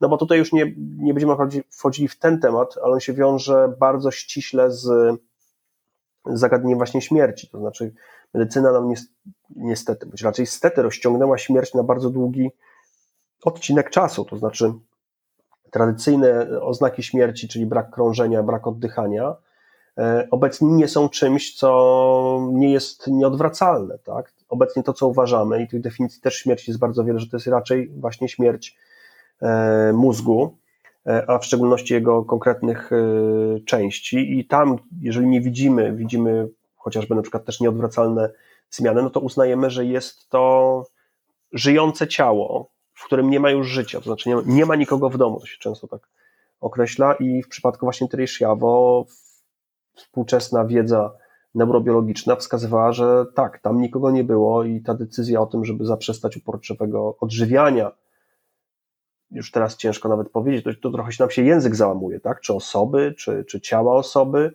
mm, no była, była, y, była słuszna.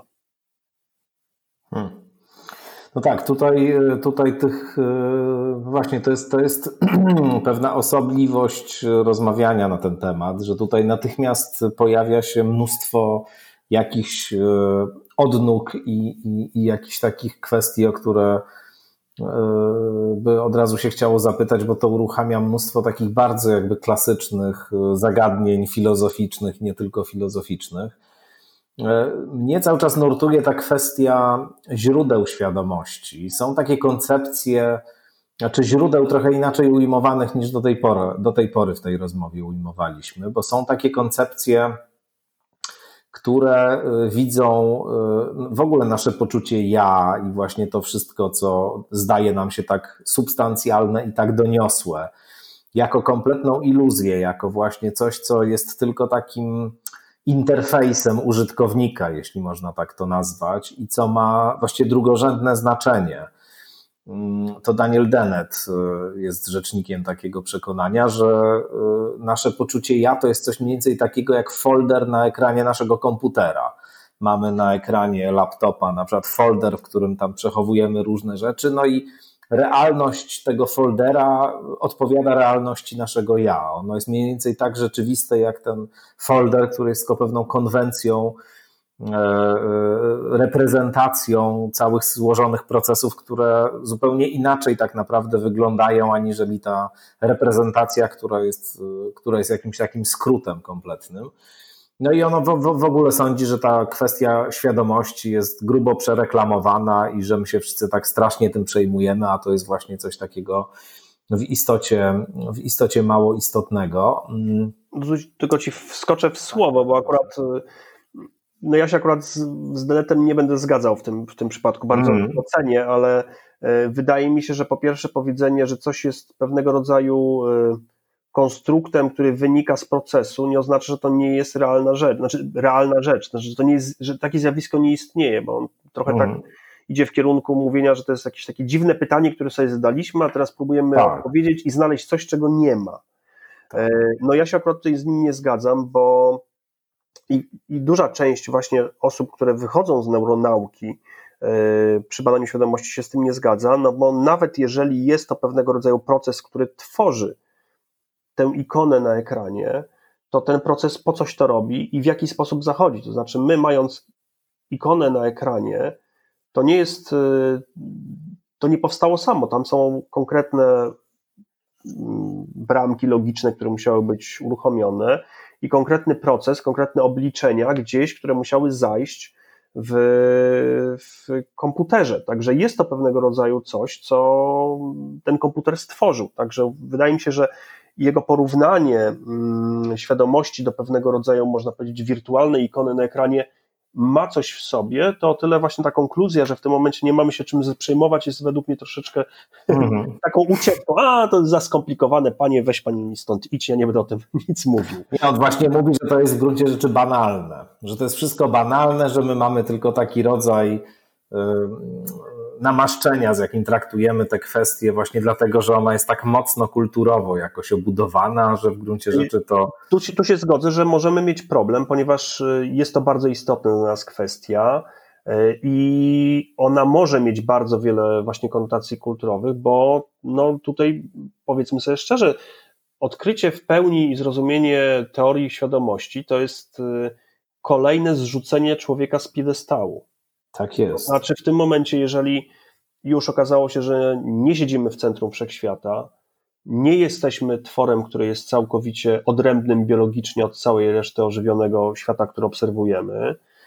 Pierwsze Kopernik y, z współpracownikami, drugie oczywiście Darwin z innymi ludźmi, gdzie się okazało, gdzie, no nie wiem, kolejna rewolucja, chociażby, że DNA mamy wspólne i tak naprawdę ta odległość genetyczna pomiędzy nami a szympansami jest bardzo niewielka, no to tutaj cały czas jeszcze mogliśmy właśnie się łapać czegoś, że ta unikalność jest pewnego rodzaju procesie świadomości. No i jeżeli będziemy widzieli, że on, ten proces jest jednak jakoś opisywalny, mierzalny, no to w tym momencie wydaje mi się, że zniknie ta unikalność gatunku ludzkiego. I o to akurat nie przeszkadza w zupełności, bo e, no, mnie jako naukowca interesuje przede wszystkim, żeby wiedzieć, jaki jest. E, a niekoniecznie trzymać się kurczowo naszej e, wyjątkowości. I wydaje mi się, że dużo ciekawsze rzeczy poznamy właśnie, kiedy będziemy nawet bardzo, może nie tyle agresywnie, ile bardzo intensywnie kontestować naszą, naszą, naszą właśnie różność. Natomiast wracając do Deneta, no ja się tutaj, tak jak mówię, nie zgadzam co do tego, że nie ma o czym mówić, że to jest coś, co jest totalną iluzją, bo jest to pewnego rodzaju proces i wydaje mi się, że jest. No, tutaj tak, idą w tym kierunku. Tutaj jeszcze jest inny wątek, który, który pokazuje niejako inny kierunek badań nad świadomością, bo tej perspektywie neuronaukowej, o której rozmawiamy i którą ty się też profesjonalnie zajmujesz, no to przede wszystkim przyglądamy się procesom mózgowym, to znaczy szukamy e, korelatu mózgowego dla tych subiektywnych doświadczeń. Zastanawiamy się, w jaki sposób mózg generuje tego rodzaju, e, tego rodzaju doświadczenie, czy tego rodzaju e, konstrukt, nazwijmy to, jakim, jakim jest świadomość i przede wszystkim subiektywność, bo to, to jest najciekawsze i, i najbardziej zagadkowe i takie, które też liczne mm, problemy językowe wywołuje, kiedy się próbuje o tym mówić. No bo sam język nakazuje mówić o tym jako właśnie o czymś odrębnym od e, rzeczywistości e, materialnej czy cielesnej, która jest nośnikiem, a zarazem oczywiście wiemy dzisiaj, przynajmniej w tym paradygmacie naukowym, w jakim się tutaj poruszamy, że no, tu nie ma tu nie ma skoku jakościowego, w tym sensie, że to nie jest tak, że nagle mamy do czynienia z jakąś zupełnie osobną ontologicznie rzeczywistością, tylko to jest po prostu e, to samo zjawisko od różnych stron ujmowane, o, tak, tak by chyba można to nazwać, ale ten drugi kierunek, o którym mówię, to jest kierunek, który jakby specyficznie interesuje się właśnie jakością subiektywnego doświadczenia i i bada e, subiektywność i subiektywne doświadczenie świadomości, i to jest e, w tej chwili rozwijająca się cała potężna działka badań psychodelicznych, gdzie z jednej strony sprawdza się, czy testuje się i bada się wpływ środków psychodelicznych na jakieś zaburzenia psychiczne i ich potencjał terapeutyczny jest przede wszystkim rozwijany, ale z drugiej strony są takie badania też na Johns Hopkins między innymi mm, prowadzone, gdzie no niejako eksploruje się ten wymiar e, e, mający związek właśnie z, z modyfikacją subiektywnego doświadczenia, na przykład z takim powszechnym po zażyciu niektórych substancji psychodelicznych poczuciem rozpadu ja, że to właśnie ja subiektywne się kompletnie E, dekonstruuje, że ono staje się częścią jakiejś e, wszechobejmującej świadomości, jakiegoś, jakiejś kosmicznej świadomości, która jest e, nieosobnicza właśnie, tylko jakoś powszechna, przynależna całej rzeczywistości. No i to, w jaki sposób z kolei tworzą się takie doświadczenia, jakie one mają, jaki one mają na przykład sens ewolucyjny, dlaczego tego rodzaju E, moduły, które, które prowadzą nas do takich doświadczeń, zostały ewolucyjnie wmontowane w nasz e, układ nerwowy, dlaczego mamy do nich potencjał, to też jest w ogóle niezwykle interesująca kwestia.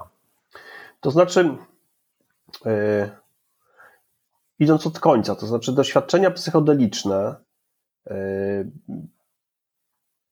tu tak, jest renesans badań w tym kierunku i według, według mnie jest to, jest to super, ponieważ mm, no, są to substancje, które w jakiś sposób zmieniają dosyć subtelnie działanie naszego mózgu i mogą nas bardzo, bardzo, bardzo wiele nauczyć na, na temat jego działania.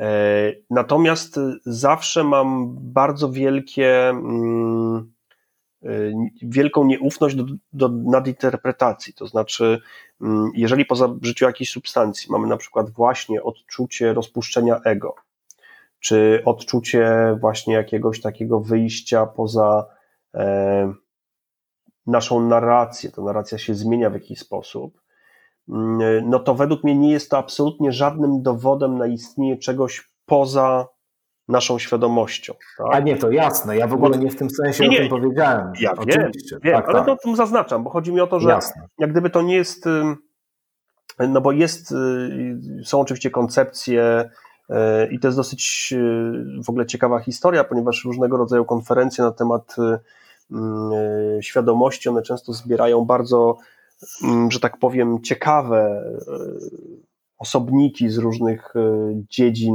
nauki i wiedzy, jak chociażby ludzi, którzy próbują postulować istnienie tak zwanej kwantowej świadomości, która jest wszędzie i tak naprawdę, mm, gdzie już takim ekstremalnym to jest chociażby Deepak Chopra, który no, zarabia całkiem niezłe pieniądze na dopowiadaniu e, steku bzdur. E, natomiast robi to bardzo ładnie. Tak, absolutnie, oczywiście. Natomiast chociażby Christopher Koch. Bez wstydu, jest, całkowicie, całkowicie tak. bez wstydu zarazem. Natomiast jest taki chociażby Christopher Koch, e, który z Penrose'em mieli też swoją teorię, która właśnie była teorią troszeczkę zahaczającą właśnie o teorie kwantowe póki co jest to taka jedna z takich teorii bajkowych, to znaczy z nich, nich nic nie wynika. Naukowcy, którzy zajmują się świadomością, którzy ją próbują badać w sposób taki twardy, no twierdzą, że no co z tego, że e, ktoś by gdzieś opowiadał o jakichś efektach kwantowych gdzieś w mózgu, skoro nie potrafi ani ich wykorzystać do zmierzenia czegokolwiek, co jest w tym mózgu, ani do zmierzenia wpływu na ten mózg, ani nic. To jest taka teoria troszeczkę zupełnie niewywrotna, bo ona mówi, że nam się wydaje, że coś działa tak, ale nie jesteśmy w stanie ani tego udowodnić, ani w żaden sposób poprzeć tej teorii. W związku z tym są to właśnie pewnego rodzaju y, też ludzie, którzy właśnie mówią o pewnego rodzaju globalnej świadomości i że właśnie te substancje, one nagle zdejmują pewne nałożone przez ewolucję kajdany i wtedy łączymy się w, w tym wszechumyśle. No nie, to dla mnie to akurat, jeżeli ktoś ma na to dowody, super, z przyjemnością e, je zweryfikuję, a potem przyjmę do wiadomości, jeżeli się okażą prawdziwe. Póki co nie ma żadnych e, takich dowodów. Natomiast same substancje są fantastyczne, ponieważ rzeczywiście mogą nam pokazywać, w jaki sposób ten mózg działa, bo mm, taka substancja e, różnego rodzaju, chociażby może na przykład właśnie wpływać na neurony, które tworzą ten proces narracji. E, I to, że jesteśmy świadomi, nie tracimy świadomości, ale tracimy poczucie własnej osoby, mm, może być właśnie pewnego rodzaju efektem dysfunkcji pewnego układu. E, I ten układ dzięki temu być może będziemy w stanie złapać i zobaczyć, jak on, jak on funkcjonuje. Natomiast to, że akurat jeszcze wracając do tej takiej właśnie często narracji poetyckiej, do tych, przy tych właśnie psychodelikach, że to są jakieś na przykład święte rośliny, to, to zakłada, że ta substancja została nam dana, żeby coś takiego osiągnąć. No dla mnie wszelkiego rodzaju neurotoksyny i substancje właśnie neuromodulujące, no to jest, no to jest przypadek, to jest po prostu chemiczny przypadek, mhm. że coś w jakiś sposób modyfikuje y, nasz, nasz mózg i w dużej większości tego rodzaju substancje modyfikują go w sposób negatywny. E, to, czy rozpuszczenie świadomości no. jest pozytywne, mhm. no to jest dyskusyjne, ale to nie jest coś, co. Wiesz, jest, jest wiele, oczywiście to są, to są tylko hipotezy, ale one są dosyć ciekawe e, i takie płodne, e, myślę bardzo. Mianowicie jest wiele takich hipotez które y, no, przyglądają się właśnie pewnemu skokowi ewolucyjnemu, który ludzkość wykonała w pewnym momencie swojej historii, takiego skoku kulturowego, przyspieszenia. mm, i atrybuuje, to, atrybuuje się to właśnie do działania roślin halucynogennych, to znaczy do jakiegoś takiego właśnie skoku, który ma związek z tym doświadczeniem, o którym rozmawiamy, które w jakimś sensie no, mm, kompletnie wywraca do góry nogami taką, taki, taki codzienne, codzienne doświadczenie. Y, to jest ciekawa koncepcja, ale tak jak y, mówię, musi się dobrze obkupić w dowody i wtedy przekonać jak gdyby świat, bo być może tak jest. To znaczy, to nie jest coś, co E, co nie jest wykluczone i być może właśnie pewnego rodzaju mm, no, wspólne spożywanie różnego rodzaju substancji, które powodowały lepsze połączenie tej grupy i przez to ta grupa jest bardziej e, nie wiem, skuteczna ewolucyjnie, to jest coś, co mogło zajść. Natomiast no tutaj akurat muszę swój osąd zawiesić, ponieważ nie znam dowodów, które by na to się jak gdyby przekładane. tak, to są, to są na razie spekulacje. Natomiast troszeczkę mówiąc na temat właśnie jeszcze tych substancji, które e, powodują na przykład chociażby psylocybina czy ketamina, no to były badania i to były badania, e, o których właśnie chcę wspomnieć, a mianowicie no, bo tutaj powiedzieliśmy o tej takiej pewnej osi zdrowego zakresu świadomości, od bardzo głębokiego snu poprzez lekką senność, bycie w miarę świadomym, ale zamyślonym, do właśnie takiego bycia super sharp. I mm, próbuje się właśnie szukać pewnego rodzaju miar, ponieważ e, przez długi czas próbowaliśmy, nie wiedząc, jak ta świadomość jest generowana, nie wiedzieliśmy, gdzie szukać, to znaczy, co zmierzyć, żebym mógł powiedzieć na pewno, że dany mózg jest świadomy, e, a dany mózg jest nieświadomy. E, tu wracamy chociażby do przypadków właśnie oceny klinicznej, gdzie no, takich przypadków e, e, właśnie osób po uszkodzeniach mózgu, czasami większych, czasami mniejszych albo niewidocznych, jak chociażby na przykład niedotlenienie, jest bardzo dużo. I takie, no, można powiedzieć, mechanistyczne zmierzenie, czy tam ktoś jest, jest cały czas problemem gdzie ta tkanka może jeszcze prowadzić metabolizm, gdzie ta tkanka jeszcze żyje, ale nie wiemy, czy ten proces, który tam jest, zachodzi.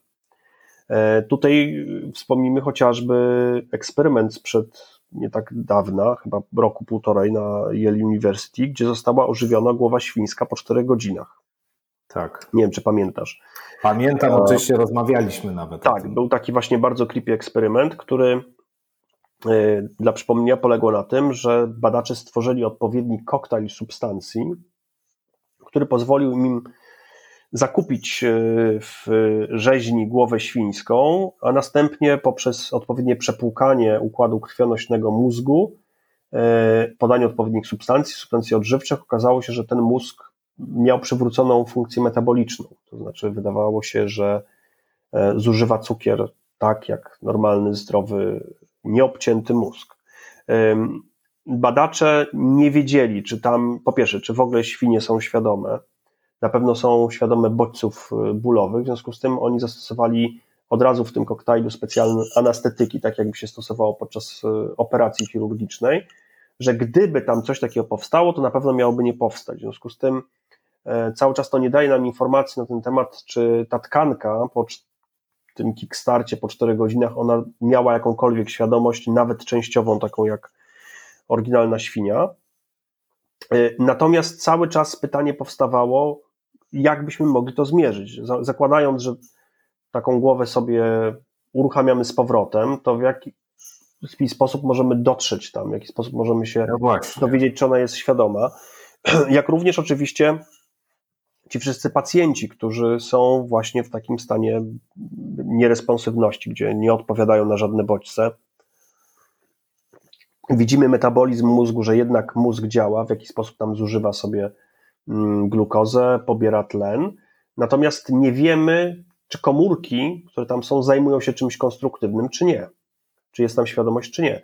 I taką jedną z ciekawych. No to jest też taki wariant jakby tego, tej figury e, sobowtóra, e, zombie, który jest wprawdzie, e, wygląda dokładnie tak jak człowiek i zachowuje się tak jak człowiek, ale nie ma żadnej świadomości. To znaczy jest automatem, który wykonuje doskonałą imitację ludzkiego zachowania, tak jakby było to zachowanie istoty świadomej i też nie ma sposobu na dobrą sprawę, żeby go odróżnić od y, istoty świadomej. No dokładnie, bo teraz tak, taka analogia, tak? Mamy dom, e, Dom jest domem inteligentnym, potrafi za pomocą odpowiednich termostatów zarządzać swoim ogrzewaniem, potrafi włączać światło, kiedy jest na przykład e, ciemno, potrafi na przykład e, za pomocą uruchamiania świateł udawać, że ktoś w środku chodzi. Tak? No nie wiem, wyjeżdżamy, nie chcemy, żeby e, ktoś wiedział, że nas nie ma w domu, to możemy mieć taki układ elektroniczny, który po prostu w jakiś sposób randomowy w różnych miejscach zapala światło, udając, że ktoś tam chodzi, stuka mm, i, i coś robi. I teraz w momencie, e, kiedy ktoś obserwuje z zewnątrz, no to widzi pewnego rodzaju aktywność świateł, to tak naprawdę nie wie, czy tam ktoś jest, kto chodzi, rzeczywiście ma intencję przerzucania przełączników, czy jest to zupełnie prosty program, mm, który coś takiego robi. No i to jest to, jest to co cały czas właśnie jest problemem przy badaniach świadomości.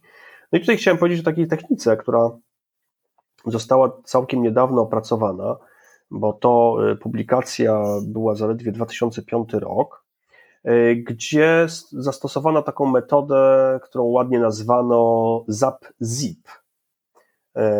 Gdzie y, za pomocą tak zwanej y, przeszczaszkowej stymulacji magnetycznej, to jest takie urządzenie, które jest specjalnym elektromagnesem, które potrafi za pomocą krótkiego pulsu pola magnetycznego pobudzić fragment y, kory mózgowej przez czaszkę, całkowicie bezboleśnie i bez konieczności jakiejkolwiek ingerencji w powłoki pacjenta, czyli tak można powiedzieć, że przez czaszkę robimy lekkie, można powiedzieć, no, puknięcie w korę mózgową, pobudzamy ją. E, I to jest jedna część tej metody. Natomiast druga część to jest taka, że się stosuje bardzo mm, złożone EEG, czyli technikę, którą znamy od ponad 100 lat, e, do zebrania pewnego rodzaju rezonansu, pewnego rodzaju sygnału, który powstał e, po takim pyknięciu polem magnetycznym. I teraz, kiedy zbierzemy bardzo dużo właśnie sygnałów, i te, to EEG jest nie takim prostym EEG do badania mm, takiego w, takim w przychodni, tylko raczej bardzo wielokanałowym, 64, 128 albo nawet 256 kanałów. I potem, jak spróbujemy ten sygnał sobie zebrać, czyli te takie zygzaczki, yy, i spróbujemy sobie skompresować, to im większy plik nam powstanie, tym wyższy poziom świadomości. Mm, I teraz y, wydaje się to być potwornie takim prymitywnym sposobem, bo rzeczywiście troszeczkę jest. To jest y, trochę tak, jakbyśmy chcieli się dowiedzieć, y, czy coś ciekawego jest na zdjęciu. Tak? I jedyne, po czym byśmy wnioskowali, to to, jaki rozmiar ma zdjęcie na naszym dysku twardym. I w przypadku zdjęć, gdzie rzeczywiście stosujemy pewnego rodzaju kompresję, i to jest właśnie ta druga część tej, tej, tej metody, ten ZIP, ZAP to jest od tej, tego pulsu elektromagnetycznego, ZIP jest od zipowania, tak, czyli metoda kompresji plików, to tak naprawdę troszkę to tak działa. Tak? Jeżeli sobie kupujemy mm, kartę pamięci, żeby porobić zdjęcia, no teraz już są tak duże, że nie myślimy w ogóle w kategoriach zdjęcia, ale jeszcze cofnijmy się tutaj parę lat wcześniej, Mm, jak cofniemy się jeszcze parę wcześniej, no to jadąc na wakacje mieliśmy aparat, yy, szliśmy do sklepu, kupowaliśmy kliszę, yy, Klisza posiadała 36 klatek, więc yy, mając odpowiednią ilość klisz, dokładnie wiedzieliśmy, ile jesteśmy w stanie zdjęć zrobić. Tak? No bo jeżeli zdjęcie nawet nie wyjdzie, to no tak, zdjęcie nam zabiera jedno zdjęcie. W przypadku, w przypadku zdjęć elektronicznych, one podlegają pewnej kompresji, w związku z tym, mając kartę, nie wiemy, ile na nią wejdzie. Bo jeżeli na przykład spędzimy wakacje, e, fotografując tylko i wyłącznie gołe ściany z całkowicie równomiernym oświetleniem, takie po prostu szare prostokąty, to tych zdjęć na, na tę kartę wejdzie dużo więcej, ponieważ każde z nich jest dużo mniejsze, bo nie ma tam nic ciekawego na nich, nie ma żadnego zróżnicowania, nie widać nic skomplikowanego. W momencie, kiedy będziemy robili zdjęcia sceną bardzo skomplikowanym, takie, które przy kompresji nie dają się łatwo skompresować, te pliki będą duże. I dokładnie coś takiego wyszło, gdzie jeżeli badano tą techniką ZAP-ZIP osoby właśnie w różnym poziomie świadomości, osoby śpiące, e, osoby, osoby świadome, osoby, które mm, na przykład y, miały różnego rodzaju problemy właśnie z poziomem świadomości, jako osoby właśnie w stanie wegetatywnym, czy stanie nierozpensywnym, czy w tym systemie zatrzaśnięcia, okazało się, że ta prosta miara tego spakowania sygnału całkiem dobrze koreluje z poziomem świadomości, takim jaki obserwujemy. E, I tak jak powiedziałem, no wydaje się, że jest to bardzo taka prymitywna miara. To jest dokładnie tak, jakbyśmy ciekawość zdjęcia chcieli wnioskować po jego rozmiarze na dysku twardym. Tam oczywiście zakładając jednakowy rozmiar w pikselach, mm, ale jest jednak czymś, co może nam pomóc w określeniu poziomu świadomości właśnie, nie wiem, u innych ludzi, u dzieci, yy, w przypadku chociażby uszkodzeń mózgu, yy, być lepszą miarą tego, w jaki sposób yy, mm, czy właśnie mózg po jakimś zdarzeniu niekorzystnym jest w dobrym stanie i przetwarza informacje, czy już jest całkowicie e, mózgiem, który nie odpowiada, bo właśnie mózgi osób, które e, mają tak zwaną płaską linię EEG, cały czas są aktywne metabolicznie, znaczy zużywają cukier, komórki w jakiś sposób tam działają, ale właśnie takie mózgi, e, ich te obrazy są całkowicie szare, one się doskonale pakują, są bardzo niewielkie, tam nie ma informacji. I tutaj ciekawe, żebyśmy właśnie troszeczkę nawiązali do tych e, spraw związanych z e, psychodelikami, to właśnie po ketaminie i e, psylocybinie, bo to już było badane, ta aktywność jest wyższa. A mianowicie okazuje się, że właśnie ta ilość informacji w mózgu, którą się otrzymuje za pomocą zbierania przez EEG tego, tego, tego pulsu, jest dużo wyższa. Także jest to bardzo ciekawa, e, ciekawa rzecz i ona być może nam pozwoli w jakiś sposób właśnie e, dotykać, jeszcze nie rozumiejąc, jak ta złożoność informacyjna jest e, zorganizowana czy zbudowana, ale w jakiś sposób zgrubny ją zmierzyć. Teraz też oczywiście są badania, gdzie się próbuje taką dokładnie te same miary przykładać już bez tej techniki Yy, pulsów elektromagnetycznych, tylko po prostu nagrywać taką spontaniczną aktywność mózgu w specjalny sposób przy pomocy tego EEG, ale jest to pewnego rodzaju taka miara matematyczna, która pozwala nam powiedzieć, jak bardzo świadomy jest w tym przypadku oczywiście człowiek, bo to możemy porównać do jego zachowania, ale być może nam pchnie do przodu tego rodzaju yy, badania. Hmm. No, jak powiedziałem, mnóstwo arcyinteresujących y, tematów tutaj y, i jeszcze by się chciało rozmawiać i rozmawiać, właściwie to jest temat rzeka i nie sposób go wyczerpać. Znaczy, ja mam no poczucie, że dopiero go zaczęliśmy. Tak no, ja też mam poczucie. Doszedłem do 10% notatek. Okay. No. Będą jeszcze ciekawe kawałki. Ja myślę, że zostawimy Państwu teraz poczucie niedosytu głębokiego i po prostu będziemy kontynuowali tę rozmowę, bo ja proponuję, żebyśmy się jeszcze parę razy tutaj spotkali w skądinąd i właśnie trochę się od różnych stron poprzyglądali temu fenomenowi świadomości, bo no, cóż może być ciekawszego, jeśli nie to.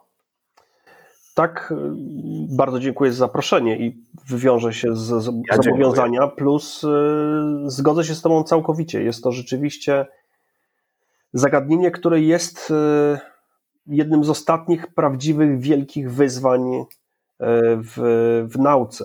I to jest tak naprawdę według mnie no, takie jedno z najważniejszych to, które nam właśnie powie o tym, kim my jesteśmy i kim ja jestem. Także no ciekawe rzeczy przed nami. Oj tak. Tymczasem bardzo Ci dziękuję. Dr Paweł Boguszewski z Instytutu Nęckiego Polskiej Akademii Nauk był Państwa i moim gościem. No i Państwu też oczywiście bardzo dziękujemy. Zapraszamy na kolejne rozmowy i z Pawłem Boguszewskim i nie tylko z Pawłem Boguszewskim, ale te oświadomości jeszcze na pewno się odbędą. Nie jedna przed nami. Do usłyszenia.